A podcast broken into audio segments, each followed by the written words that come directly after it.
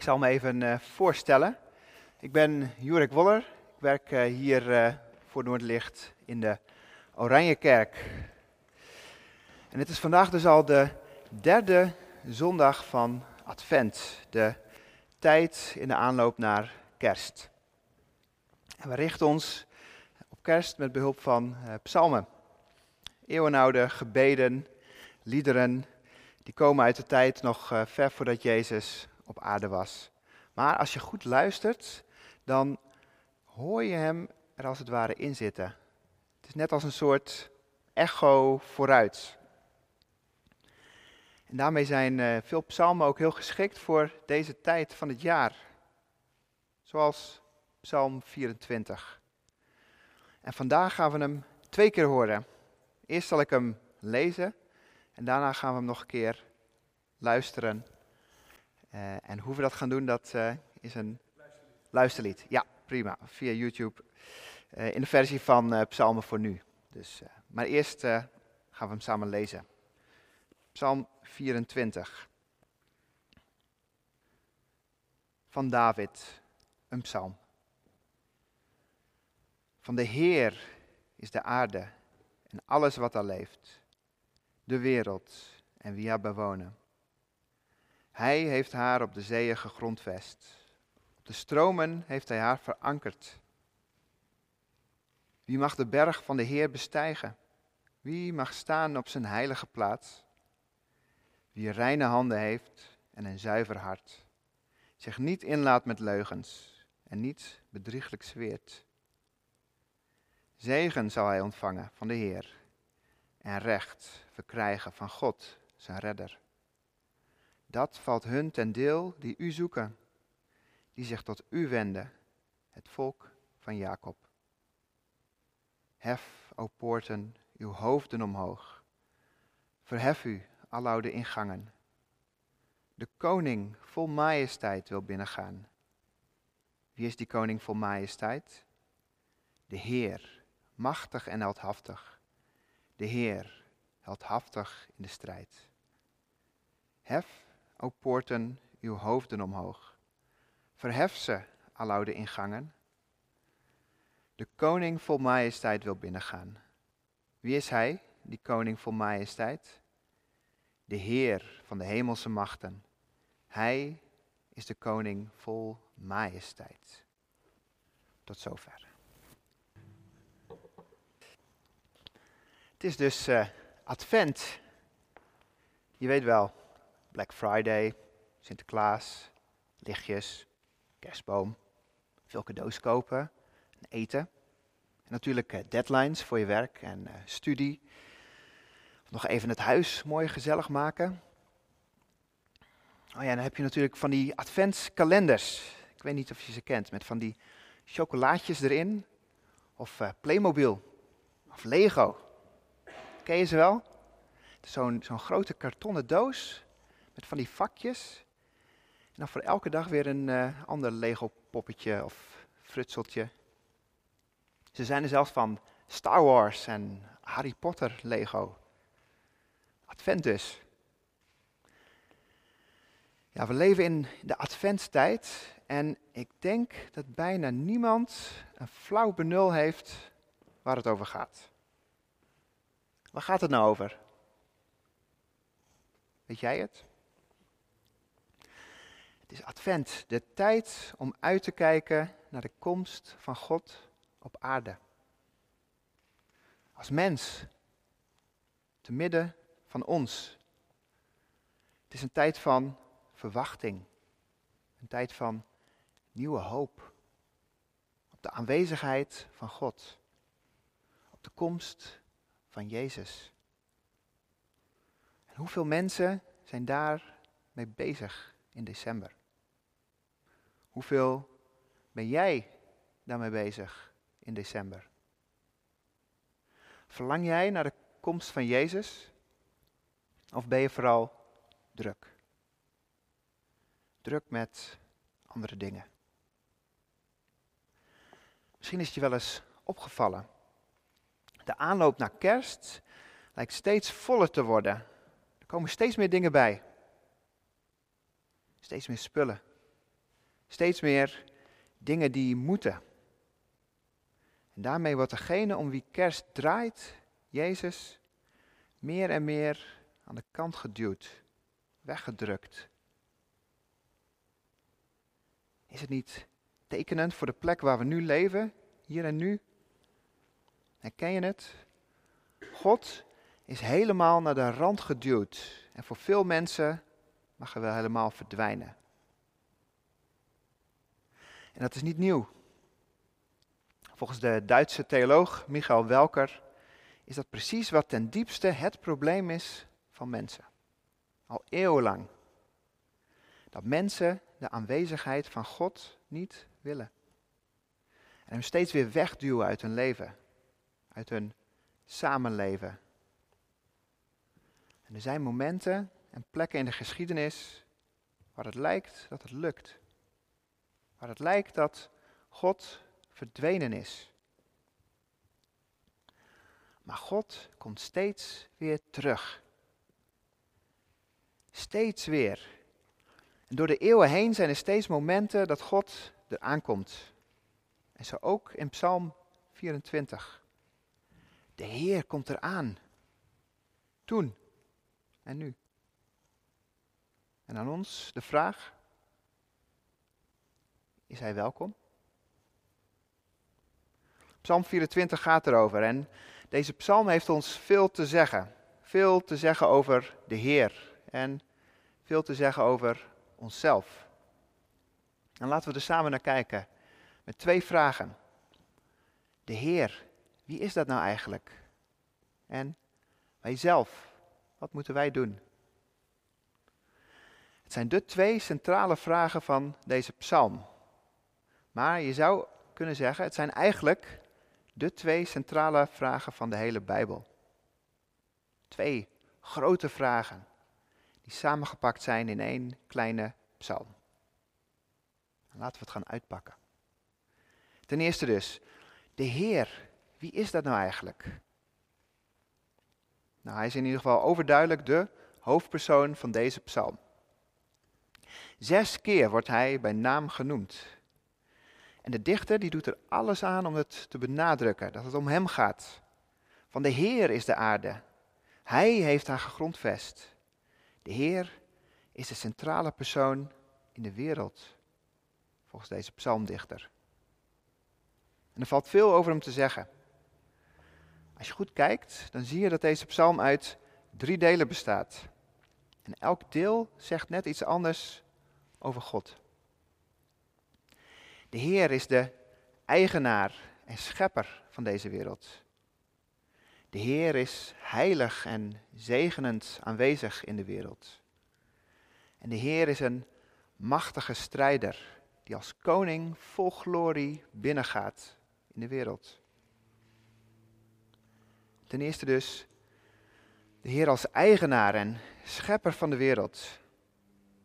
Van de Heer is de aarde en alles wat er leeft. Dat is nogal een statement om een psalm mee te beginnen, toch?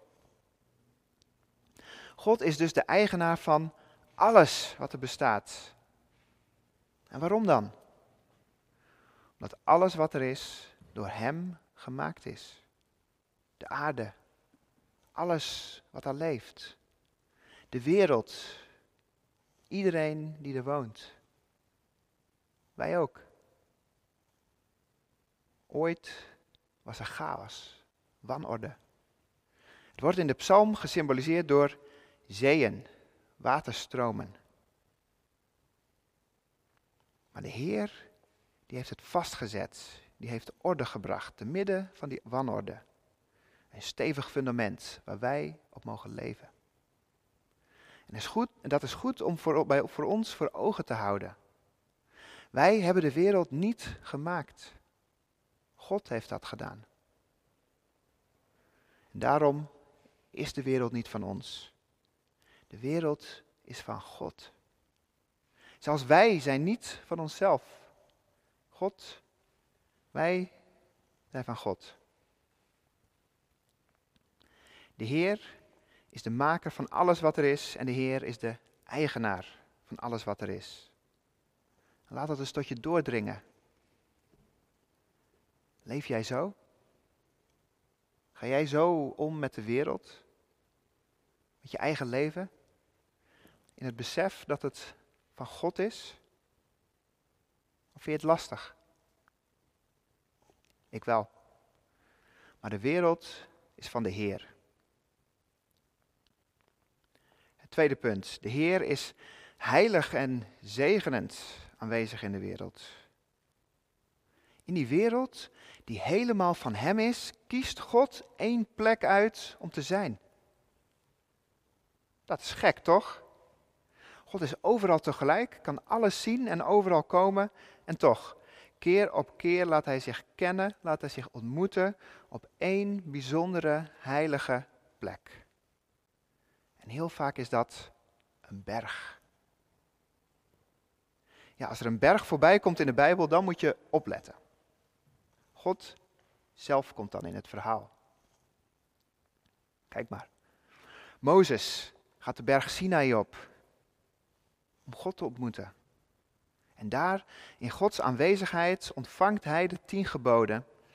En het is een zegen voor het volk Israël. En als Mozes terugkomt van de berg, dan straalt zijn gezicht door de heiligheid van God. Elia, de profeet, ontmoet God zelfs twee keer op een berg. Eerst de krachtige aanwezigheid van God door vuur uit de hemel op de berg Karmel. En als hij het later niet meer weet, niet meer ziet zitten, Gods heilzame aanwezigheid op de berg Horeb in een fluisterende bries. Maar het bekendste is de berg Sion in Jeruzalem. De vaste plek waar God wil wonen, te midden van zijn volk Israël. De plek van waaruit Hij het volk zegent. De Heer is aanwezig op bepaalde plekken op de aarde, zodat mensen in Zijn aanwezigheid kunnen komen. Dat is heel bijzonder, toch? Die verheven God die alles gemaakt heeft, die ons verstand te boven gaat, laat zich ontmoeten. Dan kun je op bezoek. Maar niet zomaar. Want die plek is heilig. Uiterst heilig. Want God is uiterst heilig. Zo heilig dat het bijna niet mogelijk is om in zijn aanwezigheid te verkeren. Het is levensgevaarlijk. Wie zou dat durven? Aankunnen? Jij? Wie mag de berg van de Heer bestijgen en wie mag staan op zijn heilige plaats? Dat is de vraag in vers 3. En het antwoord is, wie reine handen heeft en een zuiver hart, zich niet inlaat met leugens en niet bedrieglijk zweert. Zuiver in woorden, zuiver in daden en zuiver in gedachten. Alleen als je echt zuiver bent, kun je in de aanwezigheid van de Heer verkeren. De Heer is dus de heilige, zegenend aanwezige schepper van de wereld en eigenaar van alles wat er is. En hij is nog meer. derde punt. De Heer is een machtige strijder die als koning vol glorie binnengaat in de wereld. Alles is van hem. Hij is op heel specifieke plaatsen en toch, hij strijdt om op nieuwe plekken binnen te gaan. De Heer is koning en aanvoerder in de strijd. Hij vecht mee met het volk dat hij lief heeft, het volk Israël. steeds weer lees je het in de Bijbel. Het leger vecht en de Heer die vecht met ze mee. En geeft zo wonderlijke overwinningen. Zo ook Jeruzalem. Jeruzalem, die belangrijke stad, was ooit een vesting die moest worden veroverd door koning David. En zie het eens voor je. Een grote vesting met de poorten gesloten.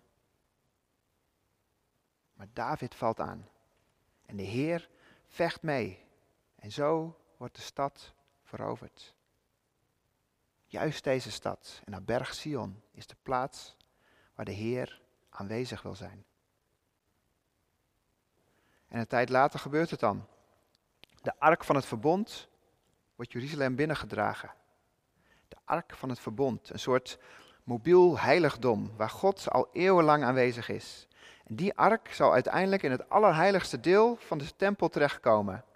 Want dat is de plek waar God aanwezig is.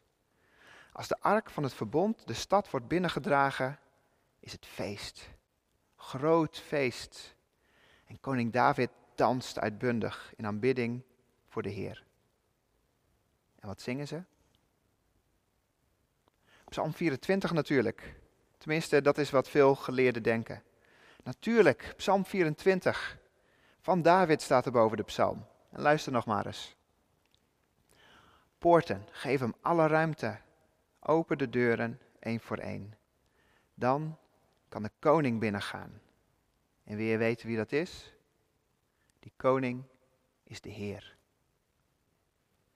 Dat is dus het antwoord op de eerste vraag van vandaag. Wie is de Heer? De Heer is een machtige strijder die als koning vol glorie binnengaat op de plek waar hij wil zijn. Tussen de mensen om wie hij geeft. Mensen die hem welkom heten. En daar, tussen die mensen, is hij van wie de hele wereld is in al zijn heiligheid aanwezig. Als je dit beseft, dan is die tweede vraag van vandaag eigenlijk heel simpel. Die tweede vraag die over onszelf gaat. Wat moeten wij doen? Wat wij moeten doen is Gods aanwezigheid willen. We moeten niks liever willen dan in Gods aanwezigheid te zijn. Die bijzondere, creatieve, heilige, machtige, glorieuze God welkom heten. We moeten hem welkom heten met alles dat we hebben. Elk deel van ons leven. Poorten, geef hem alle ruimte. Open de deuren één voor één. Dan kan de koning binnengaan. Ja toch? Of toch niet? Of is er iets dat die poort blokkeert? Is er iets in je dat God liever buiten de deur houdt, op afstand houdt? Is het niet veilig om een beetje afstand te houden van die Heer? Om niet alle deuren open voor hem open te doen, om een stukje voor jezelf te houden? Heb jij die neiging om dat te doen? Heel begrijpelijk. Maar dat is niet wat Psalm 24 oproept. Poorten, geef hem alle ruimte. Open de deuren, één voor één. Ook de delen die je liever voor jezelf houdt. Bijvoorbeeld omdat het niet zo'n zuiver stukje van jezelf is. En ja, ook daar is deze psalm heel duidelijk over. Wie mag de berg van de Heer bestijgen? Wie mag staan op zijn heilige plaats? Alleen wie schone handen heeft, een zuiver hart, wie geen leugens aanneemt, zelf niemand bedriegt. Dat is nogal wat, hè? En wat dan als je niet helemaal zuiver bent? In kleine of grote dingen? Wat dan?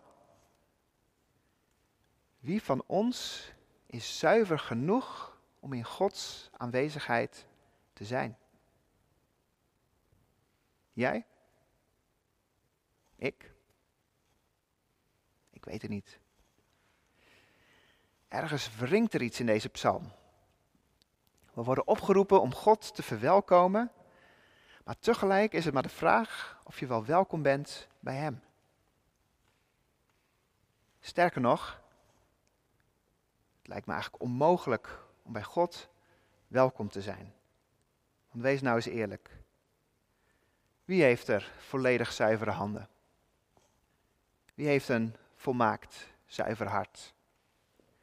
Wie laat zich nooit in met leugens? Wie zou nooit bedriegelijk zweren? Wie dan? Eén persoon. Eén persoon. Jezus. Jezus voldoet. Jezus Christus mag de berg van God bestijgen. En dat doet hij ook, steeds weer. Kijk maar. Als hij net gedoopt is, wordt hij op de proef gesteld door de duivel in de woestijn. En daar komt hij terecht op een berg. En daar weerstaat hij de verleiding van de duivel. Zijn beroemde toespraak, waarin hij oproept tot een volledig zuiver leven, houdt hij op een berg. Hij bidt vaak de hele nacht alleen, om in de aanwezigheid van zijn vader te zijn. En op een gegeven moment gaat hij met drie leerlingen een berg op. En daar, bovenop die berg, wordt de heiligheid van Jezus zichtbaar. Voor de ogen van zijn leerlingen verandert Jezus van gedaante. Zijn gezicht straalt als de zon en zijn kleren worden wit als het licht. Mozes en Elia zijn er en er klinkt een stem. Dit is mijn geliefde zoon, in hem vind ik vreugde. Jezus mag de berg van God bestijgen. Hij mag in Gods aanwezigheid zijn. En dat doet hij. Tot in het meest duistere moment van zijn leven. Op de olijfberg bidt hij in doodsangst tot zijn vader. Vader, als u het wilt, neem dan deze beker van mij weg. Maar laat niet wat ik wil, maar wat u wilt gebeuren. Op een berg, in de aanwezigheid van God, geeft Jezus die op. Hij zou eindigen aan het kruis. Alleen. Verlaten. Voor ons. Door het bloed van Jezus worden wij volledig schoongewassen. Krijgen wij volledig reine handen, een volledig zuiver hart. En kunnen zo in Gods aanwezigheid komen. Als Jezus sterft aan het kruis, scheurt het voorhangsel in de tempel in tweeën. Dat grote doek dat het allerheiligste deel van de tempel afschermt. Dat deel met de ark van het verbond, waar de Heer aanwezig is, scheurt in tweeën. Het allerheiligste van de tempel met Gods aanwezigheid komt open te liggen voor iedereen die op Jezus vertrouwt. Door Jezus ligt de weg naar zijn Vader open ligt de weg naar de Heer van Psalm 24 open. Door Jezus staat de poort van de Heer wagenwijd open. En jij bent welkom. Jezus is de sleutel van de poort van de Heer. Door Jezus is het goed tussen God en ons. Maar het wordt nog mooier. Jezus staat op uit de dood en uiteindelijk is hij weer op die olijfberg. En daar zien zijn leerlingen hoe hij wordt opgenomen in de hemel. Om in de ultieme aanwezigheid van de Vader te zijn. Aan zijn rechterhand. Wat een verhaal. Wat een wonderlijk verhaal. Al gauw daalt bij zijn leerlingen het besef in. Jezus was niet alleen een bijzonder mens. Nee, veel meer dan dat. Jezus Christus is de Heer. Dat is wat de mensen in de vroege kerk beleiden. Jezus Christus is de Heer. De Heer van Psalm 24. Die creatieve, machtige, heilige, zegenrijke Heer. Die glorieuze koning. Die Heer is mens geworden. De mens, Jezus. Dat is wat we vieren met kerst. En dat is waar we naar uitkijken met advent. De Heer komt eraan. Steeds weer komt Hij eraan.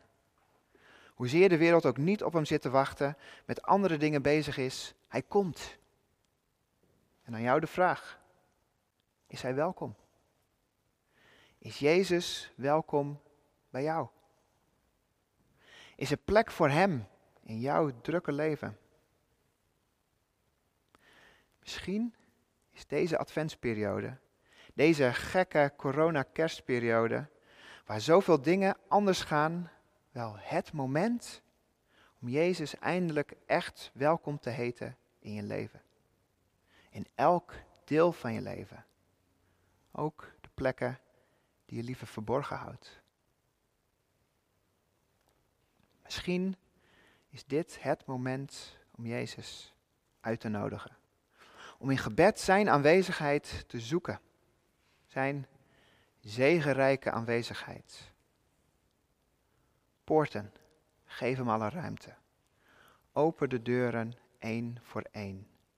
Dan kan de koning binnengaan. Koning Jezus.